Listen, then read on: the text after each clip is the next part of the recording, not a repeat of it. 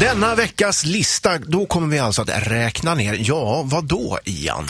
De minst sugiga eh, julrocklåtarna. Ja, vi börjar väl direkt på plats nummer fem tycker jag.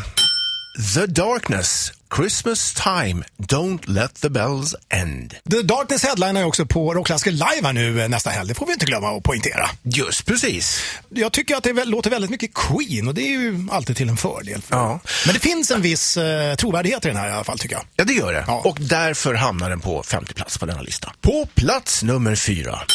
Slade, Merry Christmas everybody! som både du och jag tror jag har vuxit upp med, delvis i alla fall. Och som jag fattar så var det väl Noddy Holder då, gitarristen, sångaren i bandet som, som skrev den här låten redan med sitt eh, tidigare band, redan i slutet på 60-talet där. Men det vart liksom ingenting utav den då. Nej, och sen så slog han sig ihop då med basisten eh, Jim Lea i The Slade och skrev Merry Christmas Everybody. Och den har ju genererat, alltså han behöver ju inte jobba mer i sitt liv. Pensionsförsäkringen klar helt enkelt. På plats nummer tre. Där hittar vi Band Aid, Do They Know It's Christmas. Kanske ingen rock rocklåt om jag får reflektera, men ändå någonstans är det ju lite rockers med där på... Ja, det var väl Bob Geldof ifrån Boomtown Rats och eh, Midge Ure ifrån Ultravox bland annat då, som, som skrev låten. Ja, till förmån då för svältande barn i Afrika. Och den här låten blev ju också förebilden till Live Aid, den stora händelsen 1985. Eh, som drog in miljarders miljarder till de svältande i Afrika. På något vis blev kanske Live Aid ett litet startskott för både popartister och rockartister att bry sig om omvärlden lite mer än vad man kanske hade gjort tidigare. Man insåg kanske att det faktiskt gick att påverka politiska beslut och så vidare med sin musik. Ja. Så eh, därför så hamnar den på plats nummer tre. Om ett tag får du topp två-placeringarna i listan här. Det här är listan. Listan denna vecka handlar alltså om de minst sugiga julrocklåtarna. Av den anledningen att de flesta faktiskt suger pung. Faktiskt.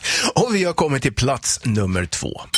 The Pogues med Fairytale of New York. Ja, jag får en klump i halsen där jag bara tänker på den här låten. Jag tycker den är så vacker. Alltså. Men den är fin. Den är fin. Ja, och det är då eh, en duett då med, eh, det är Shane McGowan från The Pogues då som sjunger tillsammans med Kirsty McCall. Vad jag tycker den här låten skiljer sig mot de flesta andra jullåtarna är att den känns lite smutsig och den känns lite trubbig sådär. Lite grann som Shane McGowans garnityr. ja, precis. Jo, men det, det, det, den är lite, den är inte, det är ingen så här lycklig och det är glitter och det Nej, är inte jultomtar klockor. och- Nej, det nej. är liksom, och det, utan det är, lite, det är lite råhet i den. Ja, precis. Och därför får den liksom komma med på våran Ja, den känns trovärdig. Ja. Ja. På plats nummer ett. Happy Christmas, War is over. Det handlar alltså om John Lennon och Yoko Ono med Plastic Ono Band. Ja, den är ju fantastisk. Den är väl alltså egentligen, var inte det en eh, mer en politisk låt från början va?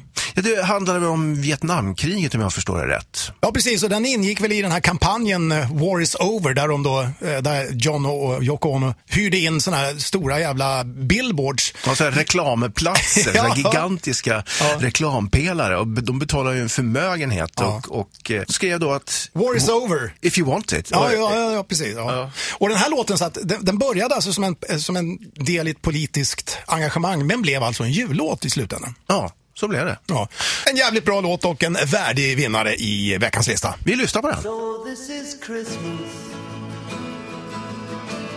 And what have you done? Rockklassiker. Klassiker. Ett poddtips från Podplay.